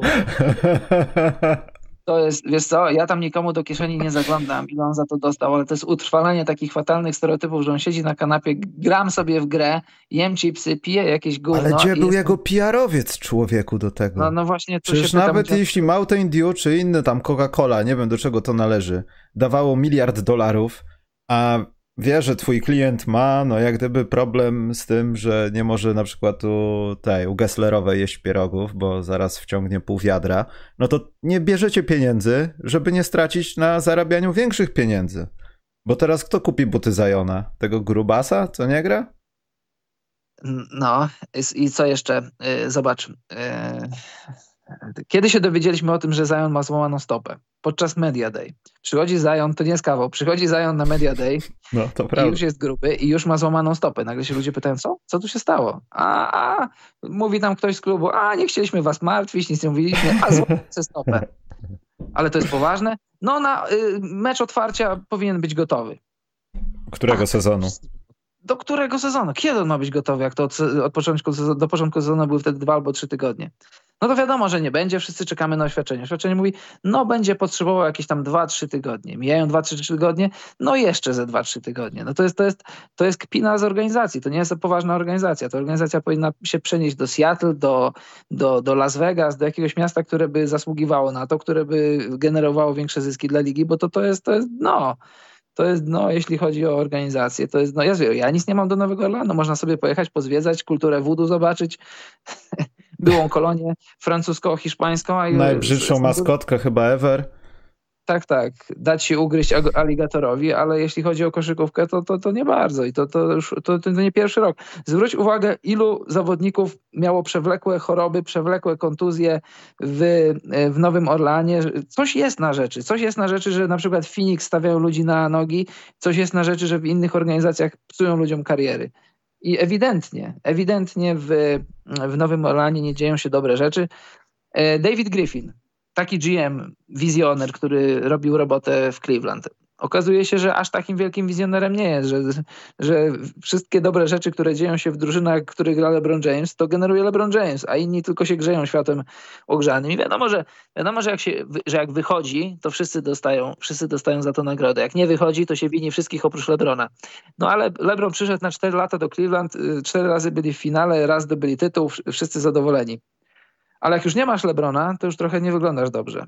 No. Ilu tam było? Dwóch czy trzech trenerów za, za, za kariery Zajona, która trwa dopiero trzeci rok? No, no nie wygląda to wszystko dobrze. I życzę Zajonowi jak najlepiej, bo dla nas, dla nas kibiców tak wyjątkowy fizycznie talent chciałoby się oglądać. Jak był zdrowy, to zobacz, nagle się okazało, że potrafi rozgrywać, że to nie tylko musi kończyć, łapać, ale, ale też może inicjować akcje, robić takie rzeczy, których nie widzieliśmy wcześniej w koszykówce, więc fajnie byłoby zobaczyć go zdrowego, schudniętego trochę, bo tu mówisz, wiesz, to sobie żartujemy, że, że, że je, bo jest, że jest, wiesz, no tam przygnębiony, ale może taka być prawda, może właśnie no, ale tak to być. absolutnie nie jest śmieszne, to jest tragiczne, bo z tego się no, łatwo tak. wchodzi, to wystarczy pół roku siedzenia na kanapie, żarcia pizzy, przy no tych tak. zarobkach to możesz sobie naprawdę kompletnie odciąć się od ludzi i sobie grać na PlayStation przez trzy tygodnie. Tak, to przecież Embiid, Embiid o tym mówił, jak leczył właśnie, o właśnie, stopy leczył przecież długo i nie grał, to się roztył i chyba nawet i rozpił trochę. i przybrał na wadze. Troszeczkę. Z dwojga złego to już może lepiej się rozpić niż ostyć. E, póki co Nowy Orlean 1-11 to chyba jest obok Houston. To już jest, to jedyna ekipa, sezonu. która nie tak. wygrała nic więcej poza jednym meczem. Tak, tylko rzecz w tym, że Houston nie chcieli wygrywać, i nie wygrywają, a, a Pelikany chciały wygrywać, a nie wygrywają. A Oklahoma też miała nie chcieć i przez przypadek cztery i to pewnie dwa z Lakers, nie? No dwa z Lakers wygrali, jakby, no. A teraz też kogoś tam pociągnęli ładnie. Wczoraj chyba, już nie pamiętam. Ma, masz, masz tak, masz 10 meczów sezonu, czy tam 11 i dla Pelikanów sezon już jest skończony. Hmm, myślę, że też dobrze był skończony przed rozpoczęciem, ale reasumując, wydaje mi się, że Nowy Orlean Chyba, że jest aż taka duża cena na całą organizację, ale myślę, że gdyby ktoś teraz na przykład wyłączył prąd na całym świecie i zapalił go za dwie godziny i byśmy w tabeli NBA zobaczyli Seattle Supersonics albo Seattle Pelicans, trudno. To nikt by nie był zaskoczony i, i nikt by nie był smutny. Bo chyba każdy chciałby powrotu koszykówki w Seattle, a skoro tak się dzieje w Nowym Orleanie, no to może czas najwyższy to zmienić. To też nie będzie zmiana pewnie z sezonu na sezon, ale na miłość boską, no to jest to jest niedobrze. No to jest kolejna stracona organizacja. Smutno to Adam, Adam Silver zrobił błąd, bo, bo jak e, tego lata Chris Paul był wolnym agentem przez moment, jak zrezygnował ze swojej opcji w Phoenix, to on powinien dostać kontrakt z, z tego, właśnie z Nowego Orlanu, z Pelikanów, zresztą Willie Green, jego kolega. Chris Paul powinien pójść do Pelikanów, włączyć swój mikrofon kierunkowy, znaleźć jakieś brudy, na panią, na panią wdowę i tam by się, wiesz, na każdego się coś znajdzie, bo na panią wdowę też by się coś znalazło i szybciutko by jej zabrali klub, klub przenieśli do Seattle albo do, do, do Las Vegas. Czy nawet Vancouver. Vancouver też już po latach chce koszykówki z powrotem. I klasyczne, już, i klasyczne brużdżonko takie. No tak. Bardzo ładnie. Tak się załatwia właśnie interesy w NBA. Dobrze. Czekaj, zerknę na czat, czy są jakieś pytania palące uwagę. Nie. To możemy zakończyć, Karol, bo tu takie mikroskopijne od Tomka było. Kate versus Green versus Mobley versus Barnes. Ja domyślam się, że tu chodziło o kto lepszy. Na kogo oddajesz głos i idziemy, Karol? W twoim ujęciu. Chodzi, chodzi o debiutantów, tak? Ja Jak... na Scottiego Barnesa. Scotty Barnes. Wiedziałem, że jesteś routersem, ale aż tak bardzo, no ja też Moje serce jest złamane, ponieważ Mobley Mam, nadzie- mam, mam wrażenie, że to przez niego kaw są lepsi niż są. Chociaż to może nie być prawda. Mogłem się zakochać po prostu. No i Barnes. Barnes jest niemożliwy. Barnes przypomina mi takiego gościa, któremu jest wszystko jedno, ale jest świetny w tym, co robi, ale jednocześnie jest mu wszystko jedno. On jest on stop uśmiechnięty, zadowolony z tego wszystkiego. On sobie rzuci, poda, też się z tego cieszy. Przegraliśmy, who cares, jestem w NBA. W ogóle bardzo pozytywny chłopak to jest i, i chyba faktycznie też Barnes, mimo że nie jestem routerem Toronto, to myślę, że Scotty Barnes. Chociaż nagrodę najlepszego debiutanta na dzisiaj pewnie wygrałby za koszykarskość Mobley.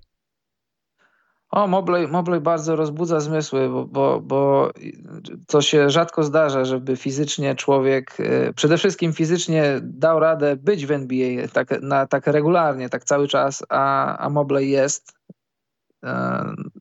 Scotty Barnes też, ale Mobley jest i, jego, jego obecność w obronie, to, to jest, to jest to, to już w tym momencie, to poledwie tam 8, 10 czy tam 12 meczach, to, to ile według statystyk, ile on rzutów kontestuje, jak to się mówi, i przy ilu on posiadaniach po prostu jego obecność jest namacalna, zaznaczalna przez statystyki, to jest niesamowite, hmm. że jego rozumienie gry jest już takie, że on już wszedł do NBA z tym rozumieniem gry. To zobacz, jak na przykład będzie w swoim trzecim roku, czwartym w NBA, jak będzie zdobywał doświadczenie, będą ludzie mówić, ok, tu, tu zrobiłeś to dobrze. Ilo, jak już on obejrzy 150 tysięcy minut filmu nagranego ze swojej własnej gry, wiesz o co mi chodzi, że on hmm. będzie zdobywał doświadczenie, plus będzie cały czas się fizycznie rozwijał, bo on ma tam 19 czy 20 lat, on jeszcze przez 5, 7 czy 8 lat będzie dokładał siłę, będzie dokładał trochę skoczności, trochę wszystkiego to, to, to, rozwala umysł, jak pomyślisz, jak będzie już gotowym produktem, jak, jak nie wiem, KG czy AD i jak jeszcze będzie trochę dodawał do tego ataku, bo w ataku jest na razie surowy, ale wcale nie musi być nie wiadomo kim w ataku, to naprawdę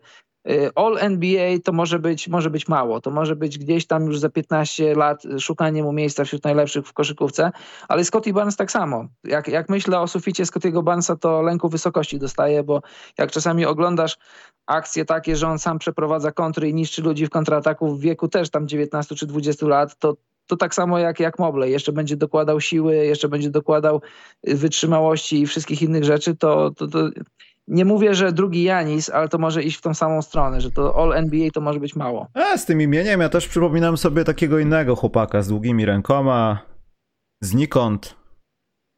Tak, był taki Scotty kiedyś, ale no. później się rozpił i zaczął głupoty gadać w internecie, pisać książki. O, może o Scottie Pippenie jeszcze dwie minuty. Da, nie, nie wiem, czy jest sens kopać leżącego. No. Jego książka nie, wychodzi, widzisz, więc... Tak, no tak Zostawmy na pierwszy rzut no. oka, na, na, tak na, na, pierwsze wrażenie to dramat, no nie, ale, ale na drugie to, to, to szkoda człowieka, bo on cały czas, zobacz, cały czas ma tą zadrę, cały czas ten ból za swoją przeszłość, za, za The, The Last Dance też na pewno jak został pokazany, ale jak został pokazany? Tam została pokazana prawda, tam to, no nie, to nie było pokazane w sposób, żeby oczernić Scottiego.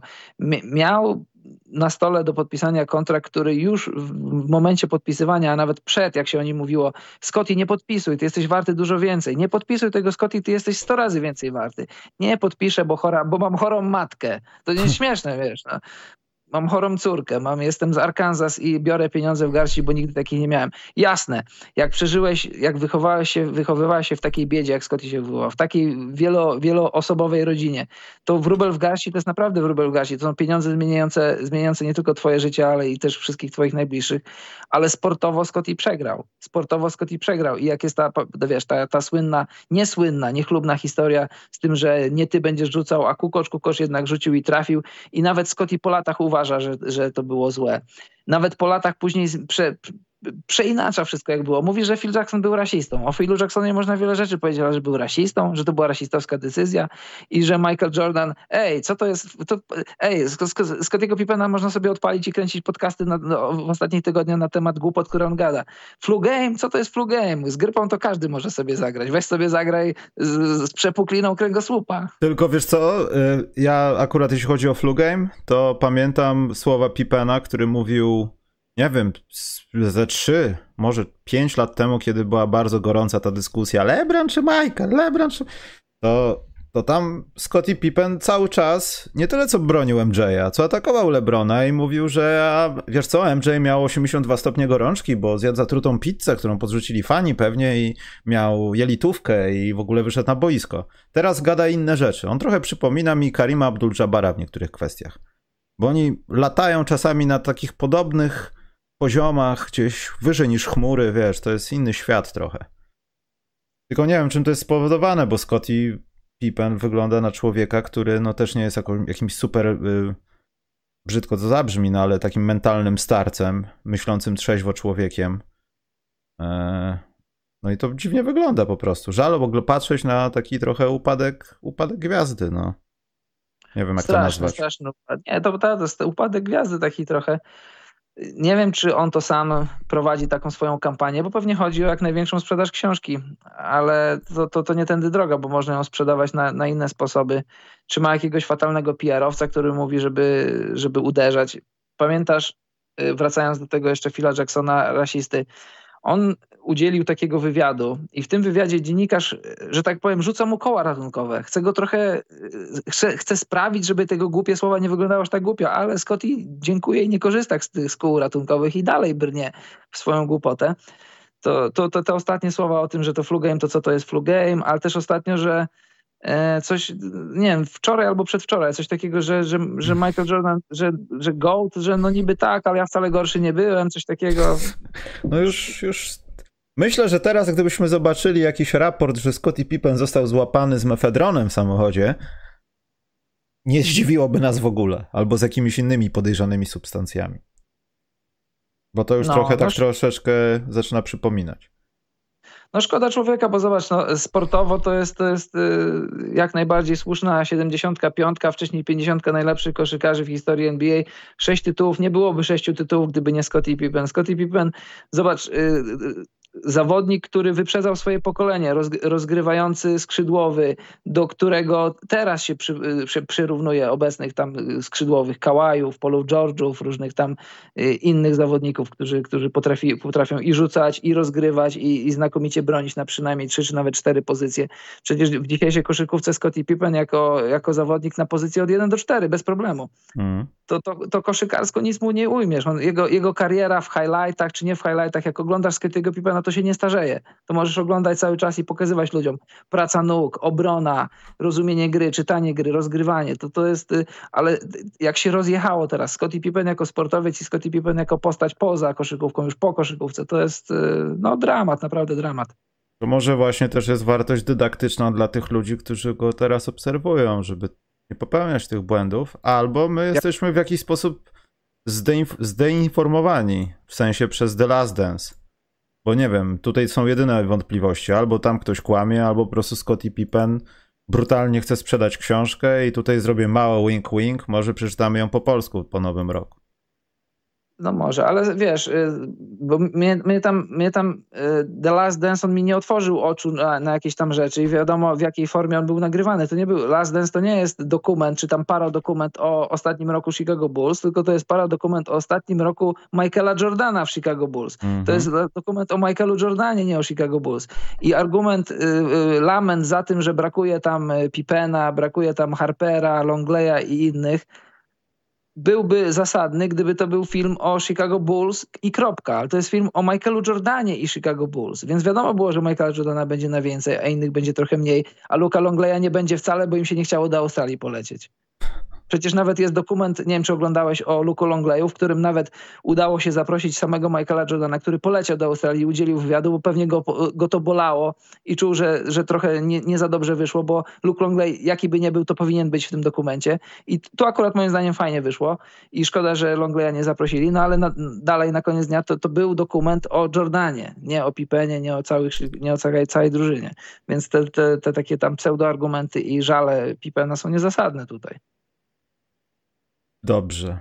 To już y, patrz, co Scotty Barnes zrobił, no. Taką dyskusję o Pipenie. No właśnie. Ale jestem swoją drogą ciekaw, jaka jest ta książka. Czy to będzie właśnie lament taki, cytując klasyka Boży? E, czy to będzie ujęcie jakieś takie, że zobaczcie, jak było naprawdę, hej, nazwiska, jakieś tego typu fakty, coś. Bardzo a to, to... A, to też, a to też swoją drogą ciekawe, bo, bo podejrzewam, nie jestem pewny, ale żeby, czy, czy jest to do sprawdzenia, kiedy Scotty wpadł na pomysł, żeby pisać książkę, y, czy już po The Last Dance, czy, czy w trakcie, czy przed, bo, no, bo wiadomo, że po, po wypuszczeniu The Last Dance minęło dużo czasu i ta książka na pewno, jeżeli nawet wcześniej została y, inicjatywa podjęta, to ona mogła być kształtowana po w filmie i na pewno była, to jestem ciekaw, ile będzie taki, takiego szukania taniej sensacji. Czy tam będą jakieś ciekawe fakty? Na pewno, jestem przekonany, że będą, ale czy będą też fragmenty, w których Scotty będzie po prostu no, chciał być na siłę kontrowersyjny? To ja pójdę, bo, bo ten, no. no. Nie, jeszcze o Longleyu, bo ten film o Longleyu, to on właśnie, on właśnie powstał na, jako, jako impuls po tym, że po tym, że Longleya nie było w The Last Dance. I to nie był jakiś wielki żal, tylko po prostu to nawet w tym dokumencie, nie wiem, oglądałeś to w ogóle? Tak, tak, tak jest taki fragment, że Longley mówi, y, po każdym odcinku do niego dzwonili i pisali, czemu cię nie ma, czemu cię nie ma. Dzwoniły telefony, smsy, aż w końcu dosłownie musiał zmienić numer telefonu, bo, bo go tak no. wkurzało. No i siadł z jednym, drugim człowiekiem, mówię, nagrajmy, dlaczego nie, nagrajmy dokument o, o mnie. No, Luke Longley. No. Bardzo ciekawa postać to jest i to w ogóle jest niezłe całkiem. Eee, tak, fajnie. Co ja chciałem jeszcze powiedzieć? Eee, to już nieważne też, jaka będzie ta książka. Jestem ciekaw, kogo pociągnie to za Scottim. Czy następny będzie Horace Grant? O, na pewno. Wiesz, bo tych nazwisk może być więcej. Może Tony Kukoc, może ktoś jeszcze, może Randy Brown, może, może nie wiem, ktokolwiek z rodziny tam właścicielskiej. No jest teraz moda na dokumenty, a ty jako fan Chicago Bulls pewnie widziałeś na, na YouTubie, na oficjalnym kanale Chicago Bulls jest właśnie dokument o Kukoczu, bardzo fajny, 37 minut, polecam. Tak, ale to jest taki dokument, wiesz, dokument, dokument, nie? A, a ja... taki rzecz, taki on tam nikogo nie atakuje, on ja... pokazuje historię Kukocza. No właśnie, ja bym oczekiwał czegoś takiego, ale zrobionego może bardziej przez lokalsów na temat tego Kukocza, bo myślę, że to co my mamy, to jesteśmy bardziej w USA, A brakuje też podejścia Tony Kukoc, kim był tam u siebie i do jakiego statusu, w jaki sposób go to wszystko zaprowadziło, bo w tym dokumencie tam to jest bardzo zdawkowo też. Nie ma najciekawszych rzeczy. Jest kilka kanałów na YouTubie, które pokazują wczesne lata kariery Kukocza i to jest naprawdę ciekawe. Każdy, każdy ma swoją prawdę. Kłamstwo jest wyk wykładnikiem prawdy. Prawda? Rozumiemy się? Tak. Dobrze, mili Państwo, kończymy ten przecudowny, spontaniczny program. Może będziemy w sobotę. Na pewno będzie podcast specjalny, statyczny, taki normalny z Piotrkiem Kolanowskim, tylko muszę go pomontować. Pogadaliśmy o 75. Piotrek musiał w aucie nagrywać takie poświęcenia, ale to pewnie jakoś w weekend nadejdzie, także nie wiem, Karol, jak się żegnać w święto yy, 11 listopada. Ku chwale ojczyzny, czy, czy po prostu do widzenia powiedzieć? Chwała Wielkiej Polsce. Nie, Karol, nie. To jest to, to nie tutaj. A dlaczego nie? Polsce i Słowianinom. Nie wiem, jak to było dalej. Szkoda, że nie pogadaliśmy o sytuacji na granicy, o kryzysie na granicy. No właśnie, bardzo dobrze poruszyłeś ten temat, kiedy akurat właśnie już naciskam przełącz na scenę końcową. Także ty możesz opowiadać, ja wyłączę i tu nie ma pani o czym gadać. Dobrze. E, to żegnamy miłych państwa. Karol, pożegnaj się ładnie. Po szwedzku coś powiedz i idziemy. Dobranoc państwu, a po szwedzku powiem hejdo. E, to stare jest. Hejdo.